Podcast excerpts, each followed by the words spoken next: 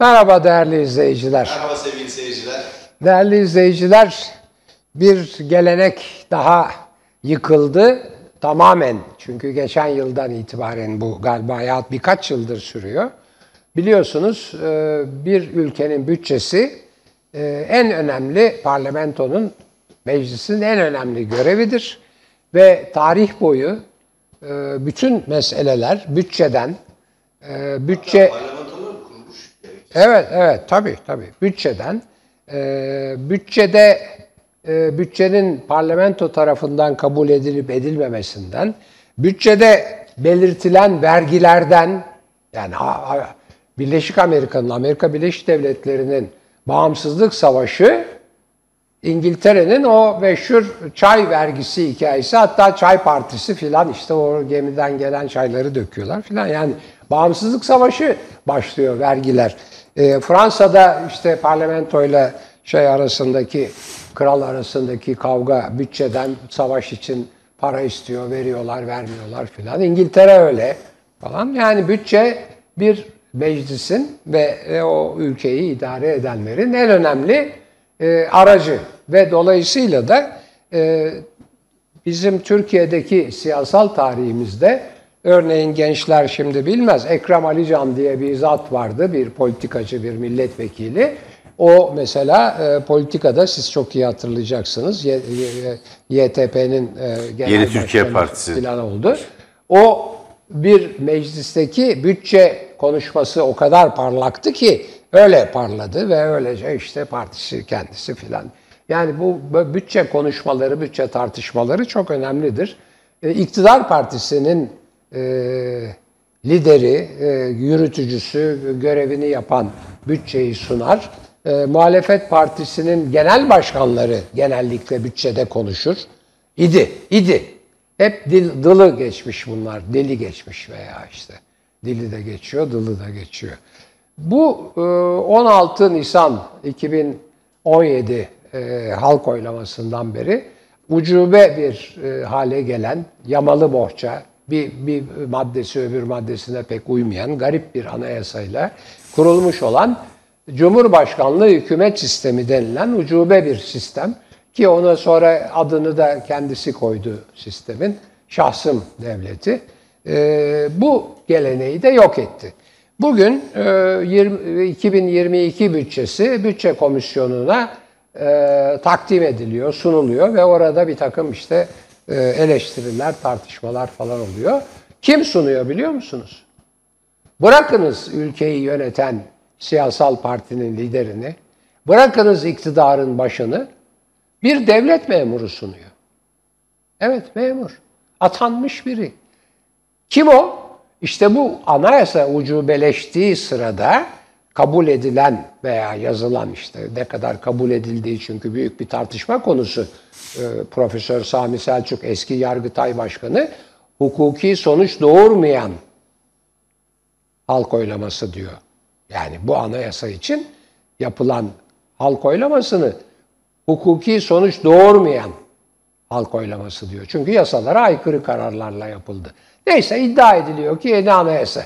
Karşı çıkanı işte e, neyse o gün o gece e, zorla diyelim e, korkutarak saat daha esas resmi sayılar açıklanmadan atı alan Üsküdar'ı geçti diyerek filan sonuçları açıkladı. Sonuç bu. Bir, bir devlet memuru geldi ve işte o devlet memuru ki ben onu dün de söyledim Sayın Yanardağ da belirtti.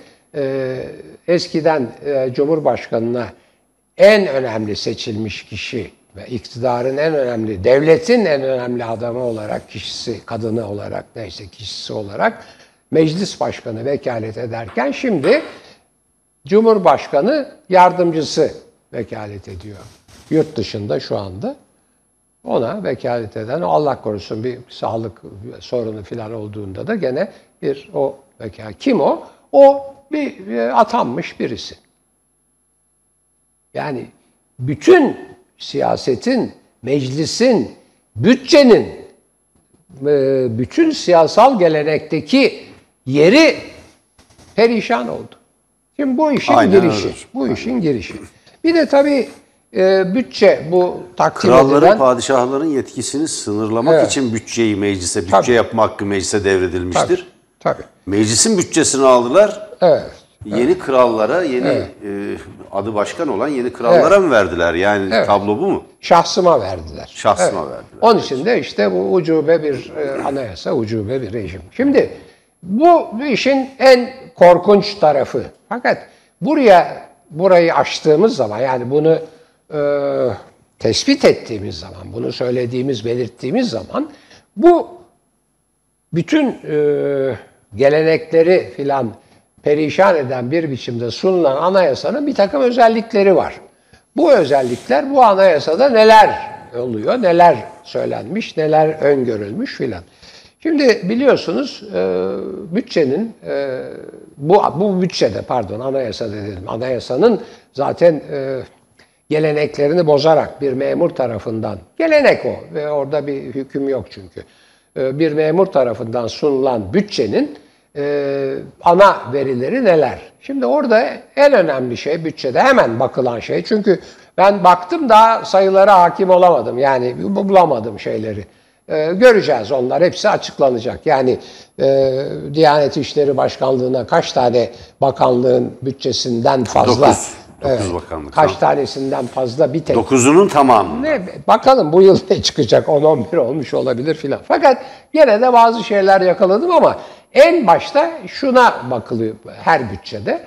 Bir gelir gider dengesi nedir?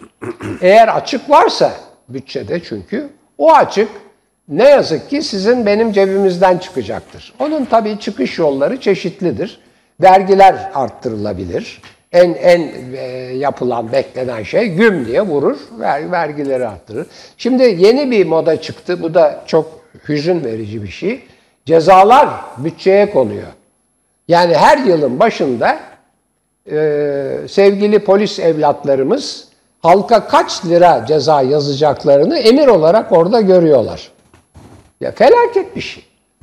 Ya bütçede halkın o yıl ne kadar ceza ödeyeceği yazılıyor. Bu olur mu ya? Bu salma gibi bir şey. Yani Osmanlı döneminde hani para lazım olduğu zaman salı. Yani sa- suç sa- işlemesen trafik kurallarının tamamına uysa yurttaşlar yine ceza kesecek. Yani tabii o mümkün değil ama. Ama yani, o anlama evet, geliyor. Teorik Anlama olarak. geliyor. Bir devlet vatandaşının yani iyi olduğunu varsaymak durumunda. Yani Evet. iyi olmak esas suç işleyeceğini yani. Evet yani teorik olarak mümkün değil ama. Mesela ceza o tuttu yurttaşlarımız o sene ya az suç işledi. Şimdi onu söyleyeceğim. Kırmızı kırmızı ışıkta geçmemeye başladı. Ne yapacaksın? Tamamlayacaklar o cezayı. Evet, şimdi onu söylüyor, söylemeye çalışıyorum. Arabanın farı niye göz kırpıyor? Evet, evet. Şimdi yani onu söylemeye çalışıyorum.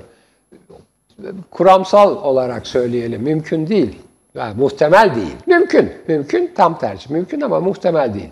O yıl şoförlerin hiçbiri Türkiye'de araba kullanan Olabilir hocam. Şey hata yapmadı. Bizim Cezalık bir hata mümkündür. yapmadı.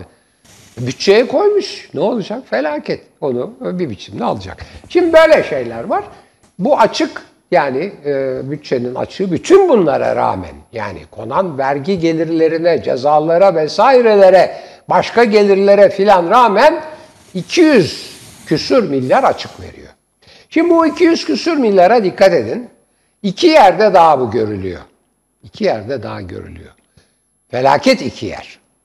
Bir tanesi yine bütçe harcamalarına, sayılarına baktığınız zaman beş kardeşler diyorum ben buna. Siz ona başka şeyler de söylüyorsunuz. Ee, bu müteahhit kardeşlere, beş kardeşlere ödenen para da ne tesadüf 200 milyar civarında.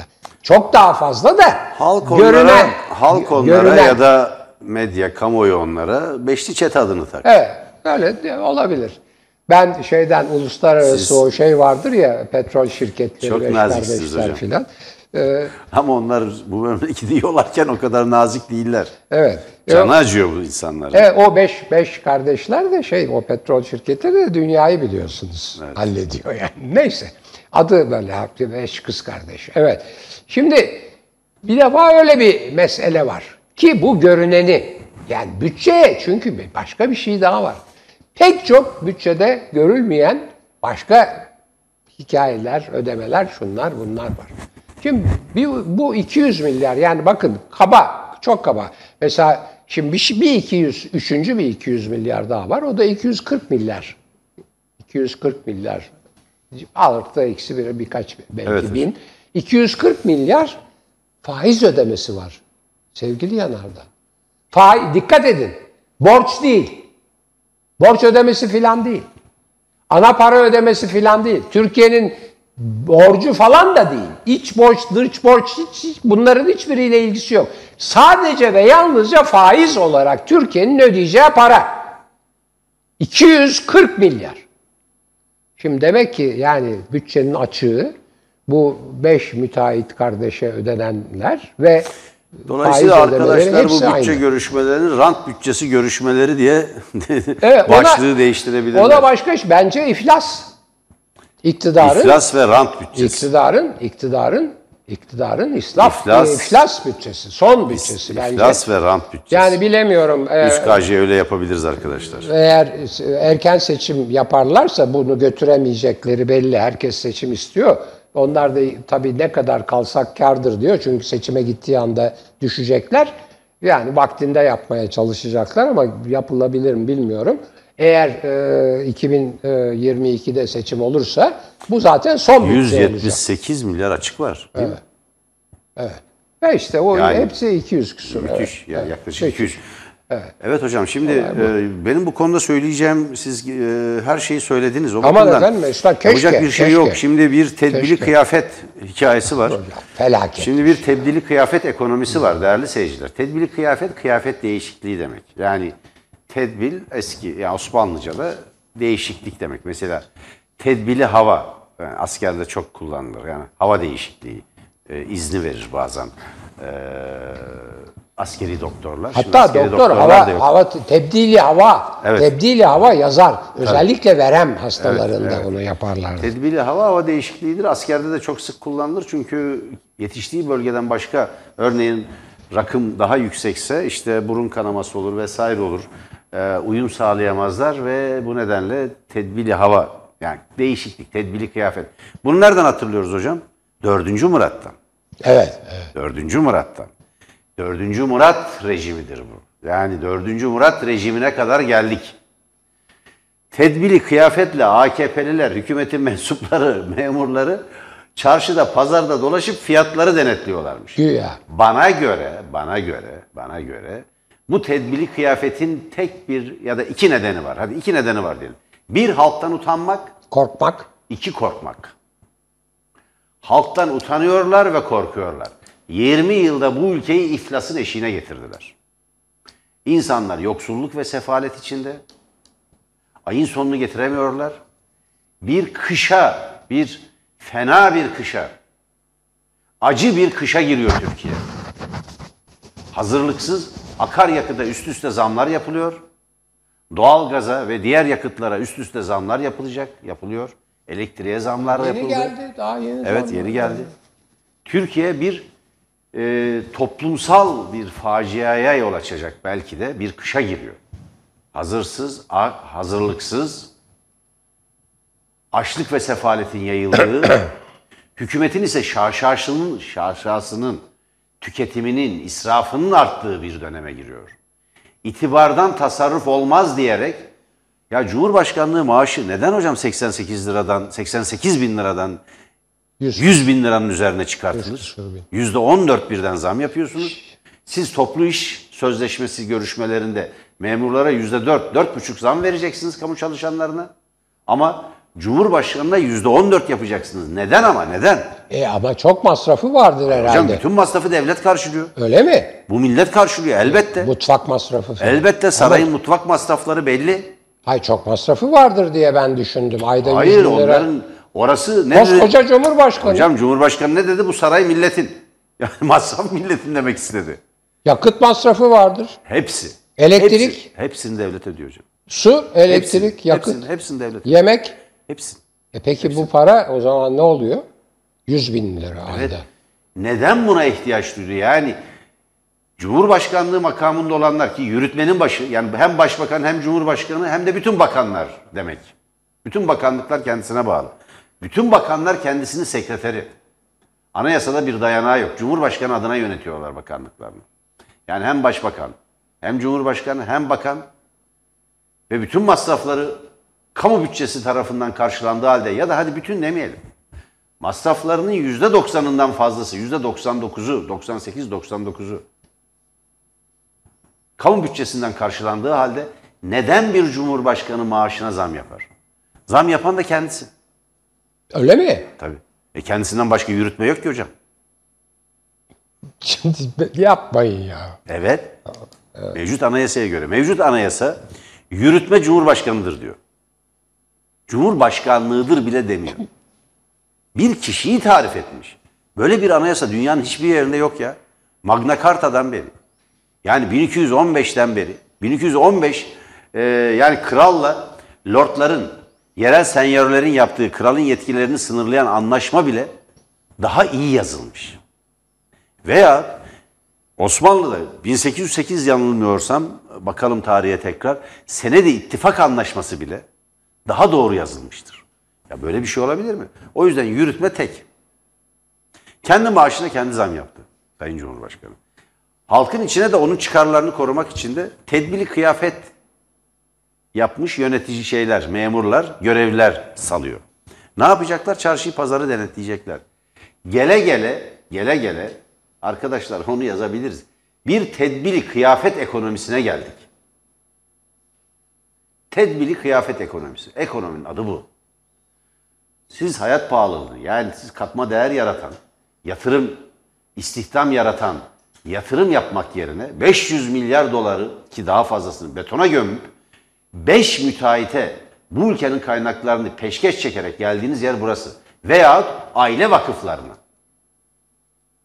Ya TUGVA denilen vakıf yani yukarıdan aşağıya ele geçirdikleri devletin içini aşağıdan yukarıya kadrolaşarak doldurmak için TUGVA ve benzeri yapılar yani Türkiye Gençlik Vakfı Bilal Erdoğan'ın yöneticisi olduğu bu vakıfları bu vakıflarla aşağıdan yukarıya kadrolaşmak için e, kullanmışlar bu vakıfları kullanıyorlar. Bu vakıflara yapılan bağışlara bakın.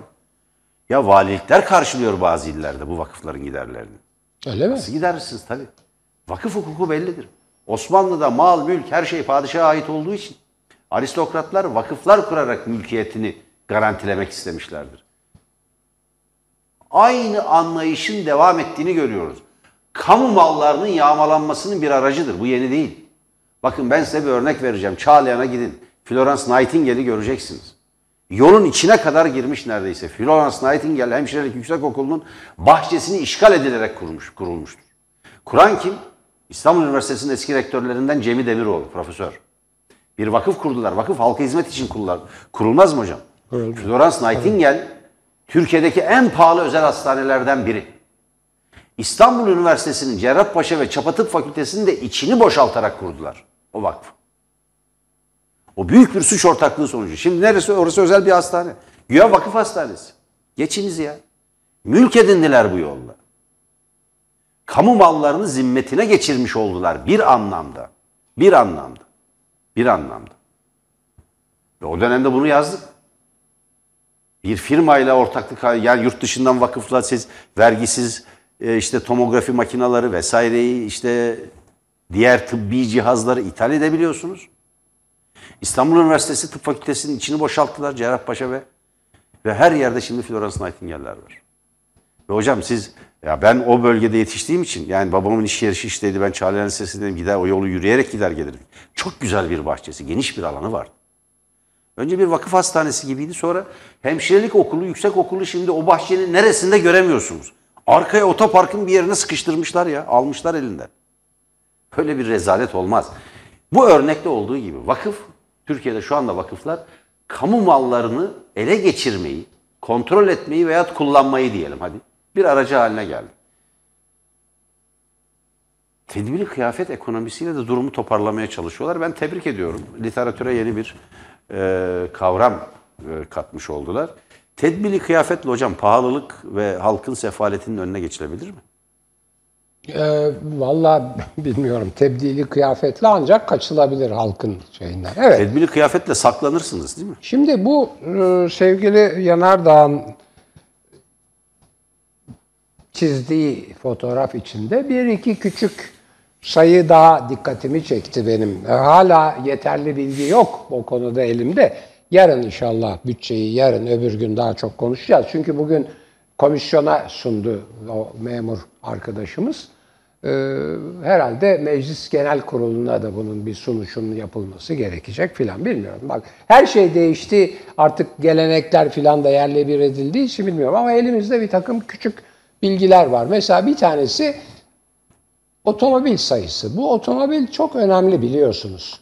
Son bu doların e, efendim pardon Türk lirasının e, Değer kaybı. Türk lirasının Türk lirasının Amerika Birleşik Devletleri'ni korkutacak biçimde Değer uc- kaybı. ucuzlaması, değer kaybından sonra korkmuş. Amerikan ekonomisi panik içindeymiş Türk lirası.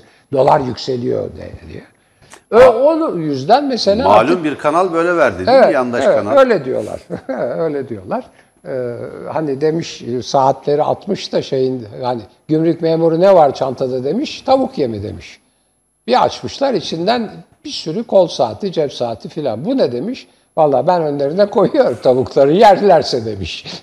o hesap.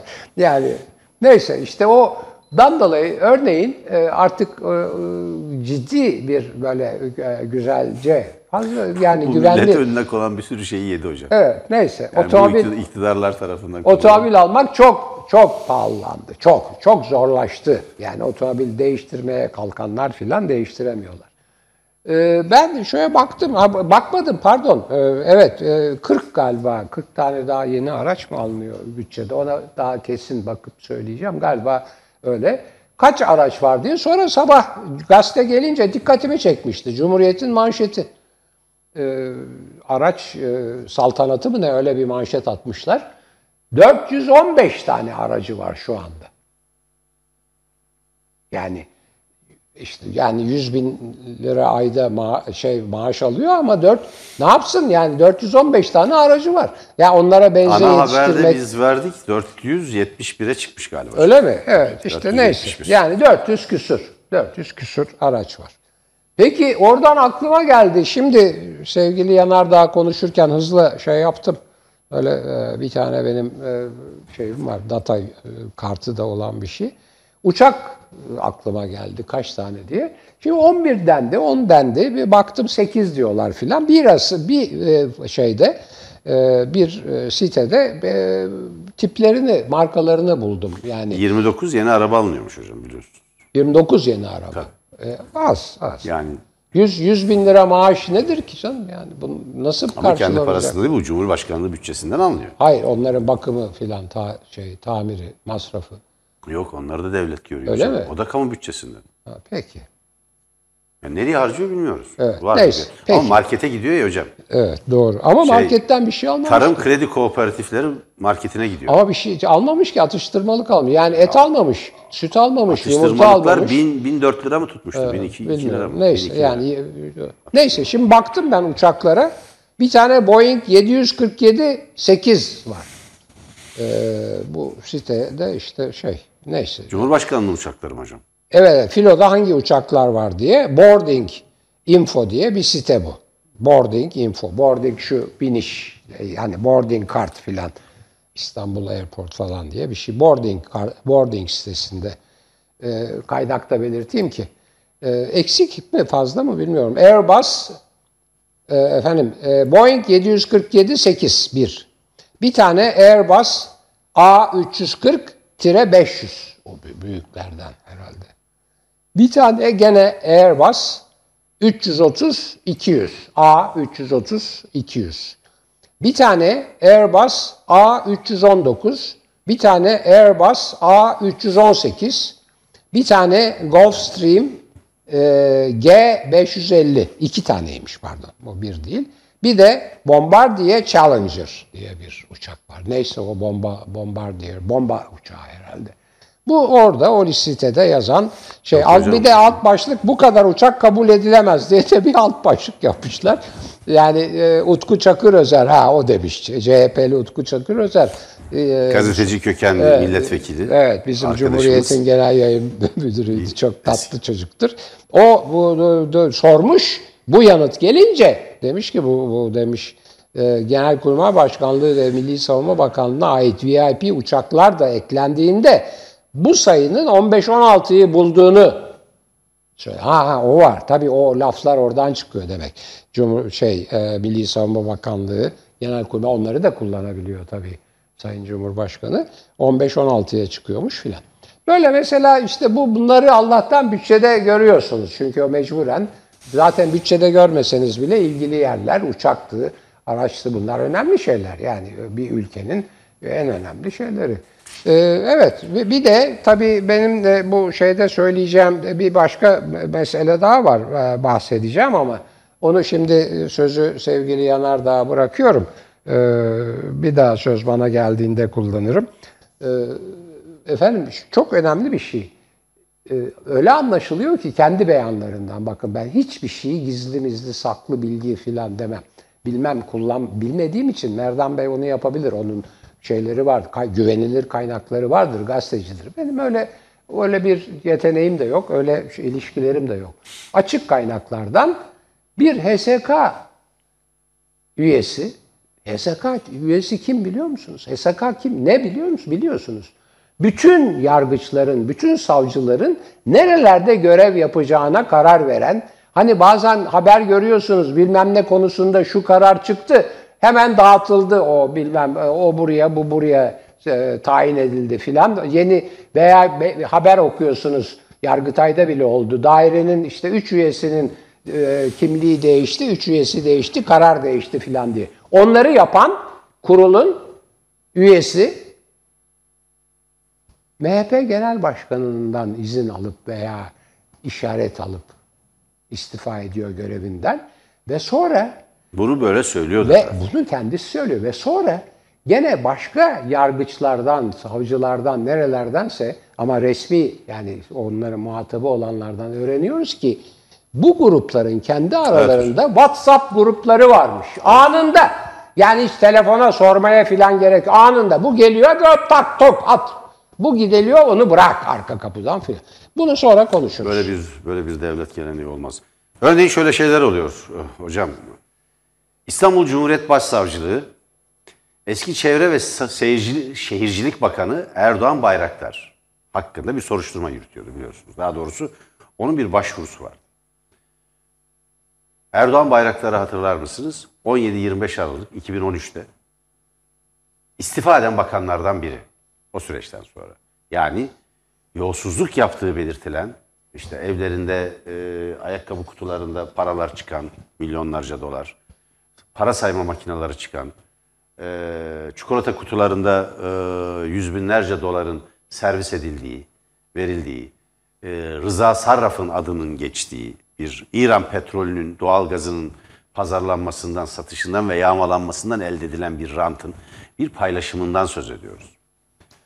E, ki 5 milyar dolar gibi bir paranın buharlaştığı belirtiliyor. Bu İran'ın verdiği rakam. Şimdi bu davada adı geçen bakan. 5 milyar dolar. Dolar, şey, milyar dolar. Evet. Milyar dolar. 50 milyar Türk lirası. Evet. Yani. yani İran bunu söylüyor. Onun dışında da Beş, bunun bunun bunun üzerinde bir para var aslında. 5 milyar dolar onun bana ait, bize ait diyor İran. 45 milyar Türk evet. lirası. Çok büyük bir para. Gerçekten çok büyük bir para. Dünyanın her yerinde çok büyük bir çok, para. Çok tabii. Şimdi bir de nakit. Nakit. Tabii, nakit para, sıcak Altın. para. Tabii. tabii. Şimdi bu nedenle istifa eden dört bakanlardan bir dört bakandan biri e, Erdoğan Bayraktar. Erdoğan Bayraktar son olarak bir ifşaatta yani bir açıklamada bir e, bulundu ve birilerini suçladı. Dedi ki ya beni hırsızlarla aynı torbaya koyup attılar. Benim telefon konuşmamda, benim tapelerimde yani polis telefon dinlemesi yapmış. Orada geçen her şey doğrudur. Montaj, dublaj vesaire yok. Ne demişti o sırada onu da hatırlatalım isterseniz. O sırada dediği Başbakan Erdoğan emretti, o söyledi, biz yaptık dedi. Evet, ne yaptıysam emirle yani. Emirle yaptım, Başbakan Erdoğan istedi. Yani Erdoğan'ın eğer ben istifa ediyorsam Erdoğan da istifa etsin dedi bir canlı yayında. Evet. Daha sonra bu lafını geri aldı. Doğru. Döndü tekrar benim söylediklerim doğru dedi. Evet. Beni hırsızlarla aynı torbaya koyup attılar. Şimdi o yüzden ben dahil herkes yargılanmalıdır dedi. Ama İstanbul Cumhuriyet Başsavcılığı bu itiraflara karşı açılan davada yani yeni davada bu dava yeni. İşte bir ay önce açıldı hocam bu dava. Soruşturmaya yer olmadığına dair bir karar vermiş. Yani deyim uygunsa değerli seyirciler. Adam diyor ki ben suçluyum. Yani beni soruşturun. Ben tanığım diyor daha doğrusu. Onlar hırsız ama beni de aynı torbaya koydular. Ben hırsızlık yapmadım. Ben emri uyguladım. Benim zenginleşmem, hesabıma giren para filan yok.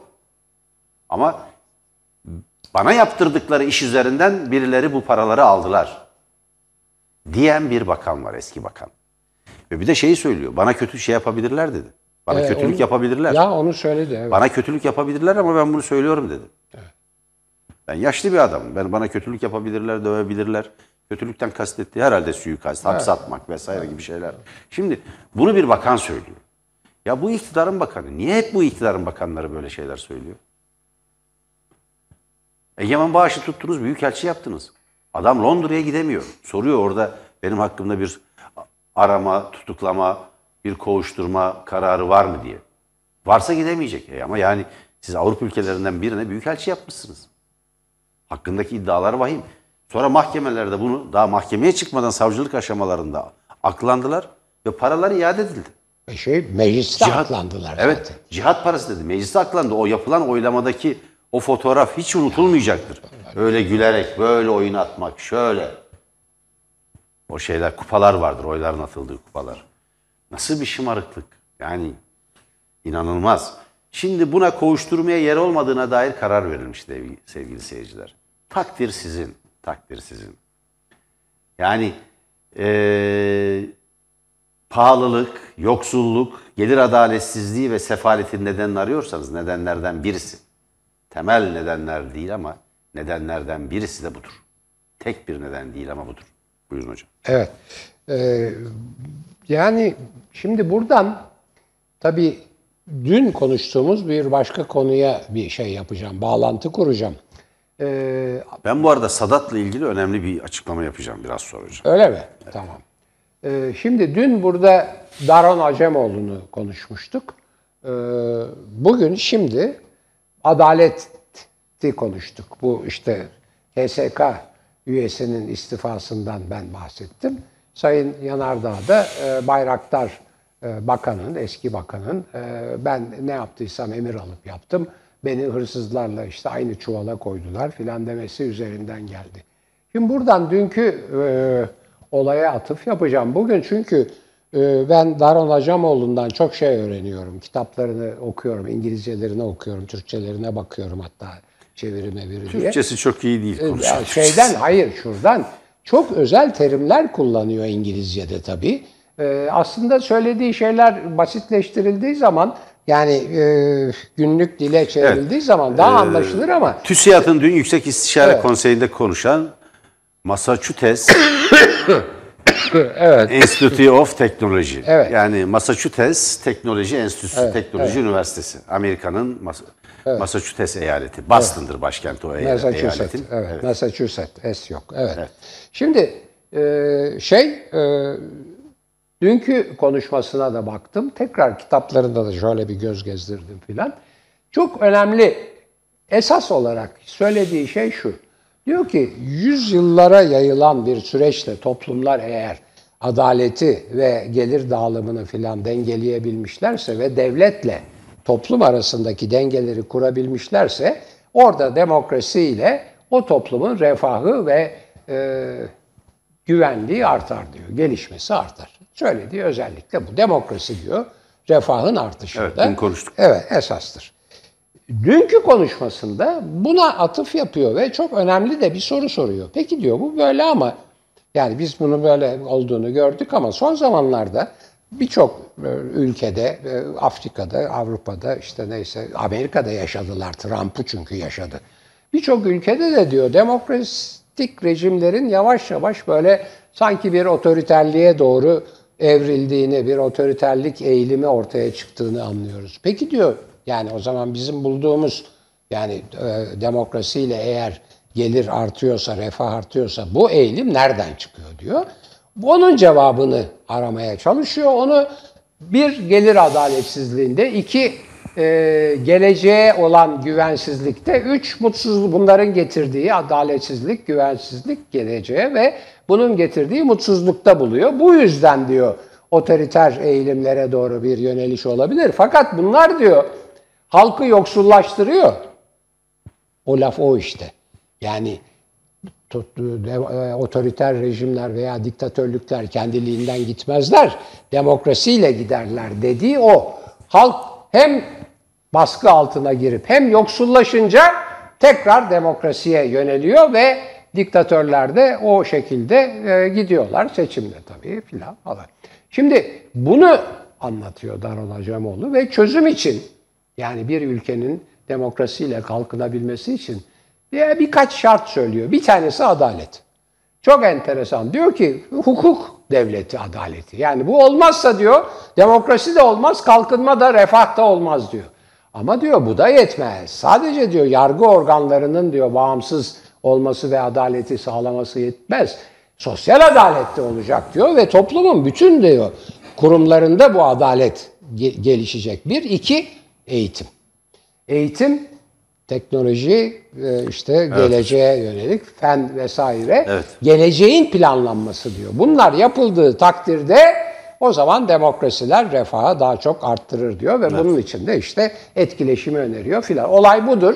E, onu da ayrıca Daron Acemoğlu'na buradan bir selam yollayalım. Şimdi değerli seyirciler, ona dün de selam göndermiştik. Durmadan selam gönderiyoruz. Ve e, iyi bir konuşma yaptı çünkü. Yani belki kendini iyi ifade Türkçesi, edemedi ama. Türkçesi kötü hocam. yani Türkçesi şey- çok kötü. Ama savunduğu Konuş- ilkeler çok konuşma, önemli. Konuşma Türkçesi, yani Türkçesini biraz geliştirmesini tavsiye ederim hocaya. Uzun kalmış Amerika'da galiba. Yani o Türkçeyle adamı tutuklarlar. yani kendisini ifade edememiş. O yüzden yandaş basın e, kampanya yaptı hakkında. E, Şimdi e, Sadat giderek e, önemli. Toplumun gündeminin merkezine geldi oturdu. Kim bu Sadat? Ne yapıyor bu Sadat? Türk Ticaret Kanunu'na göre kurulan bir anonim şirket, güvenlik, savunma ve danışmanlık şirketi olduğu belirtiliyor. Ve güvenlik olduğu için, savunma ve danışmanlık şirketi olduğu için daha doğrusu, Türk Ticaret Kanunu dışındaki bazı kanunlara da tabi olması lazım. Ne kadar denetim sağlandığı belli değil, dün belirttik. Terör eğitim veriyor. Kendi kuruluş senedinde var. İnternet sitesinde de yayınlamışlar. Daha doğrusu internet sitesinin resmi sitesinde yayınlamışlar yaptıkları işleri. Sabotaj, saldırı, rehin alma, kurtarma, tehdit yani terör. Korkutma, yıldırma ve terör demek teşhis. Ee, tediş. Bu, bu eğitimi veren bir kuruluş nasıl olur da Türkiye'de imtiyazlı bir biçimde eğitim kampları kurabilir? Bu eğitimi siz bir e, okul binasında, bir e, iş anında, bir plazada veremezsiniz. Bu ancak kamplarda verilebilir. Bu kampları kim, hangi izinle kurdu? Nerede kurdular? Eğitim videoları var. O eğitim videoları arazide belli tam bir askeri eğitim var. Gayri nizami harp deniyor. Bu çok açık ki ortada e, Sadat'a ilişkin bir değerlendirme var. Sadat'ın ki bu değerlendirmeyi yapalım. Sadat ben soruyu soruyorum burada. Yeni rejimin gladyosu mudur?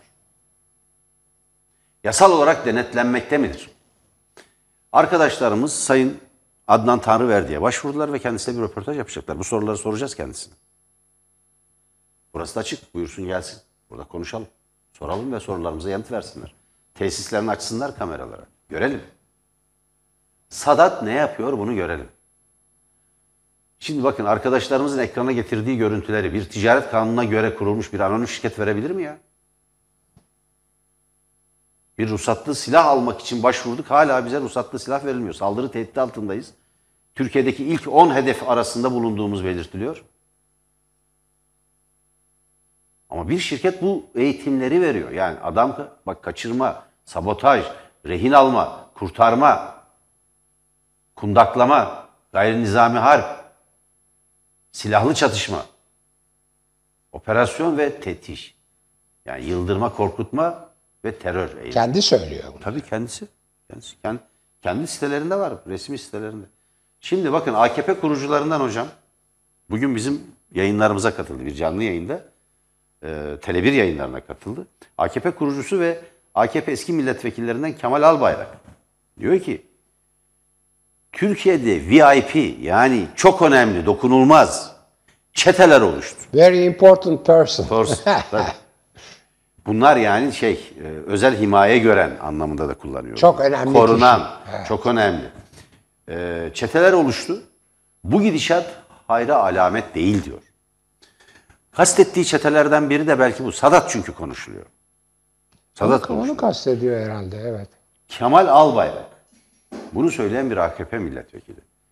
Yani bu bir Sadat'ın bir iç savaş aygıtı olarak planlandığını ve şekillendirildiğini, Türkiye'ye sevk edilen işte şey e, mülteci Afganistan mültecilerini e, Afganistan'dan işte e, genç, erkek ve sağlıklı askerlerin, eski askerlerin Türkiye'ye sevk edilmesini, mülteci olarak alınmasını Sadat'ın organize ettiğini belirten bazı İslamcı terör örgütlerine, dünyadaki bazı, bölgedeki bazı İslamcı terör örgütlerine eğitim verdiğini ileri süren çok sayıda iddia var ortada. Bu iddiaları iktidar yanıtlamalıdır. Bu şirketin başı ise, bu şirketin başı ise Cumhurbaşkanı Erdoğan'ın askeri baş danışmanıydı. Ordudan irticai ned- gerekçelerle, irticai faaliyetler yüzünden, yani dinci, siyasal İslamcı faaliyetler yüzünden oradan uzaklaştırılan ya da erken emekledilen bir kişiden söz ediyoruz. Şimdi bu kişinin yani Sadat'ın 15 Temmuz'dan sonra, 15 Temmuz darbesinden sonra harp okullarına yani kara, deniz ve hava harp okullarına öğrenci alımları için kurulan mülakat komisyonlarına üye verdiği belirtilmişti. Zaten bu kuruculardan birisi, kuruculardan birisi eee, Onat zannediyorum, evet. Eee, arkadaşlar Onat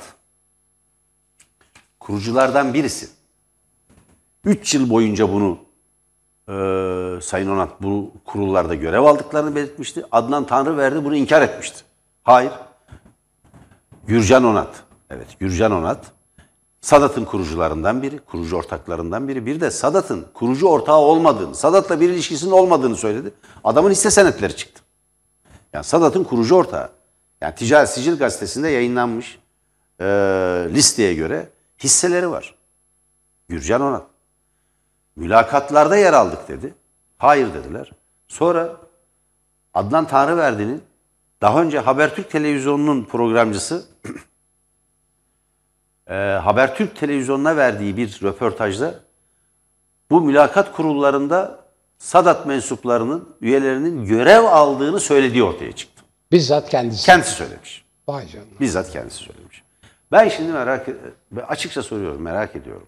Şeriat anayasası sempozyumu düzenleyen, hilafet devletini ilan edeceğini belirten ve bu amaçla uluslararası toplantılar düzenleyen, yeni hilafet devletinin bayrağını dahil oluşturan böyle bir örgütün Cumhuriyetin kurucu kuvvetlerinden biri olan Türk Silahlı Kuvvetleri'nin bir ulusal kurtuluş mücadelesinden, bir milli mücadeleden onuruyla çıkmış bir kurumun ki o kurum bu zihniyete karşı savaşmıştır. Hilafet ordusuna karşı savaşmıştır. Padişaha karşı savaşmış ve köhnemiş, orta çağ artığı bir e, saltanatı yıkarak yerine genç, dinamik bir cumhuriyet, modern bir cumhuriyet kurmuş.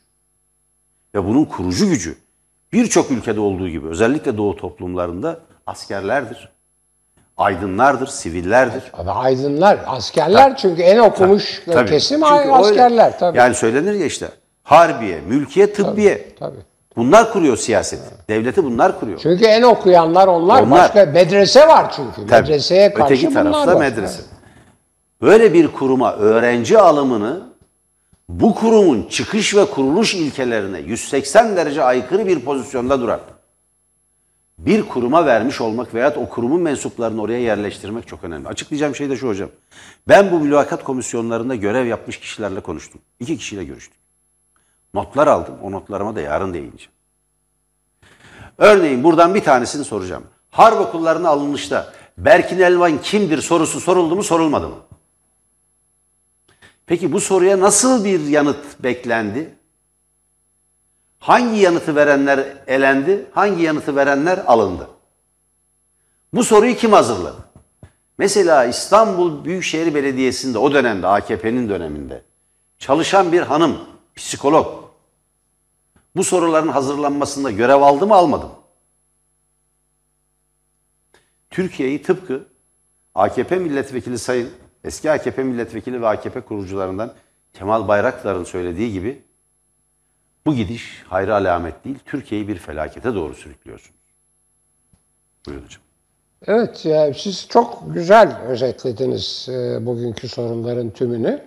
Yani öyle bir iktidarla karşı karşıyayız ki buna daha önce de değinmiştiniz. O bakımdan kutluyorum. E, meşru olarak e, kurallara, kanunlara, e, anayasaya uygun olarak e, yapamayacağı bazı şeyler için de e, efendim tarikatları ve e, ne diyoruz ona mafya demiyoruz örgütlü suçları suç suç örgütlerini örgütlü suç için örgütlenmiş örgüt liderlerini Organize Ya, suç örgütü. ya hayret bir şey. Söylüyor. Sedat Peker kendi söylüyor. Diyor ki yani o sırada korkutmak lazımdı. Ortalığa dehşet salmak lazımdı. Tetiş o işte. Tabii. Asıl yani Buna birlikte karar Sadat, verdik diyor. Sadat örgütü tetişi şeyine koymuş. E, yaptığı, e, yapacağı Tabii, faaliyetler koymuş. arasına koymuş. Ama Verdiği Sedat, eğitimler arasına koymuş. Sedat Peker onu uyguladı. Sedat Peker onu Sedat'tan Sadat'a, Sadat'tan Sedat'a gidiyoruz yani böyle Sedatlar Sadatlar arasında. Diyor ki o kanlarınızla duş yapacağım lafı diyor o sırada diyor. Dehşet saçma. Oluk oluk kanlarını akıtacağım. Akıtacağız. Oluk oluk kanlarını akıtacağız lafı diyor. Evet, evet. Yani onun Diğer için, de dahil, evet, diğer söylenecek başka bir şey bırakmadınız siz, evet. Şimdi hocam ben e, bir konu daha var ona değinmek istiyorum. E, Bugün e, Sayın Meral Akşener ile İyi Parti Genel Başkanı Sayın Kemal Kılıçdaroğlu arasındaki görüşme Cumhuriyet Halk Partisi Genel Merkezi'nde gerçekleşti bu görüşme. E, Bu görüşmeden sonra yapılan açıklamanın bence ortak açıklamanın ikisi e, iki lider de basının önüne çıktı. E, Önemi şurada. Bütün girişimlerine, bozma çabalarına, bütün olumsuz ve bu ittifakı yıkma girişimlerine karşın ittifakın dimdik ayakta olduğunu ortaya koydular. Bunun önemli bir gelişme olarak kaydedilmesi lazım.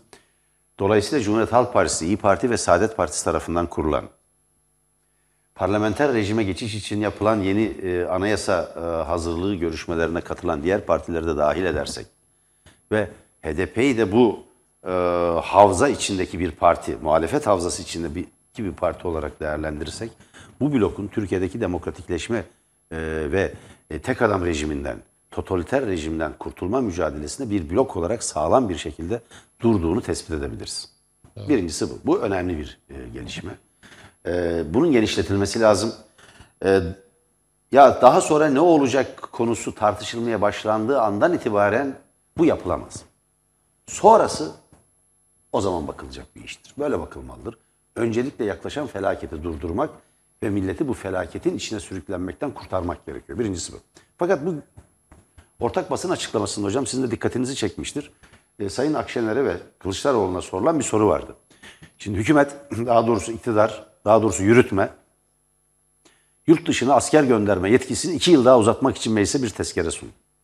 Buradaki yürütme Sayın Cumhurbaşkanı'nın kendisi oluyor. Yani kendisi aynı zamanda AKP Genel Başkanı. Şimdi bunun ben çok tehlikeli bir e, talep olduğunu düşünüyorum.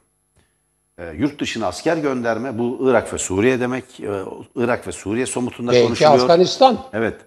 Belki Afganistan, belki Yunanistan. Yani Türkiye yakın bir savaş tehdidi altında mı bir kere bunun üzerinde e, durulmalı ve tartışılmalıdır. Fakat Türkiye Suriye'nin iç işlerine, daha doğrusu AKP Türkiye'si, AKP'nin yönettiği Türkiye veya AKP iktidarı Suriye'nin iç işlerine askeri bir biçimde müdahale etmektedir. Durum bu. Bağımsız ve egemen bir ülke ve bizim komşumuz. Şimdi Meral Akşener şimdi diyor ki bu ne vereyim abime siyaseti. Hani gidersiniz ya bir şeye, e, bir restorana, gelirler ne vereyim abime. O bende, bana bırakın falan der ya bu şef garson. İyi bilmiş tecrübeli garsonlar. Ne vereyim abime Abiyi siyasetiyle. tanıyordur Evet. da o tanıyordur. Abi iyi bir bahşiş bekliyor.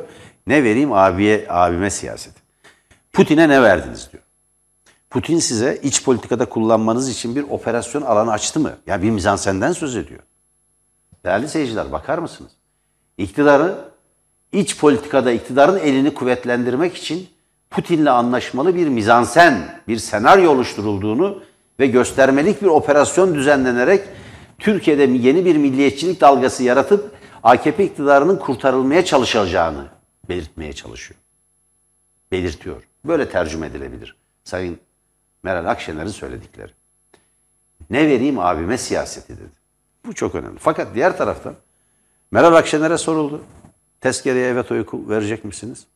Evet eleştirilerimiz var falan filan ama evet oyu vereceğiz dedi. Bu son derece yanlıştır.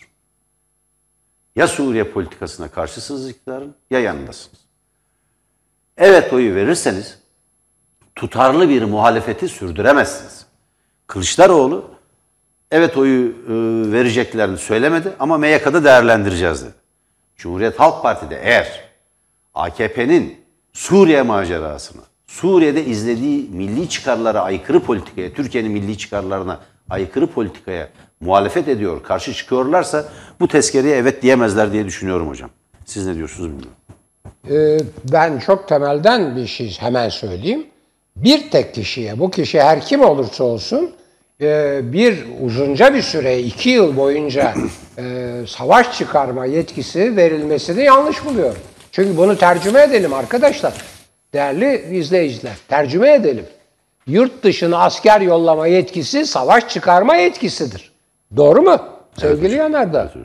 Ben böyle bir yetkinin asla ve katla o kişi kim olursa olsun böyle bir yetkinin demokratik ülkelerde hiç kimseye verilmemesi kanısındayım. O, o yetki meclisin yetkisidir. Milli iradenin muhalefet de içinde olan, muhalefeti de kapsayan milli iradenin yetkisidir. Onun için ben bu olaya tümden zaten karşıyım. Yani meclis bu yetkisini hiçbir şekilde devretmemelidir. Hele hele iki yıl gibi çok uzun bir süre için seçimlere kadar. Bu 21-23. Evet hocam. Programımızın sonuna geldik. Bizden sonra Evren Özalkuş'un hazırlayıp sunduğu Türkiye'nin Geleceği programı var.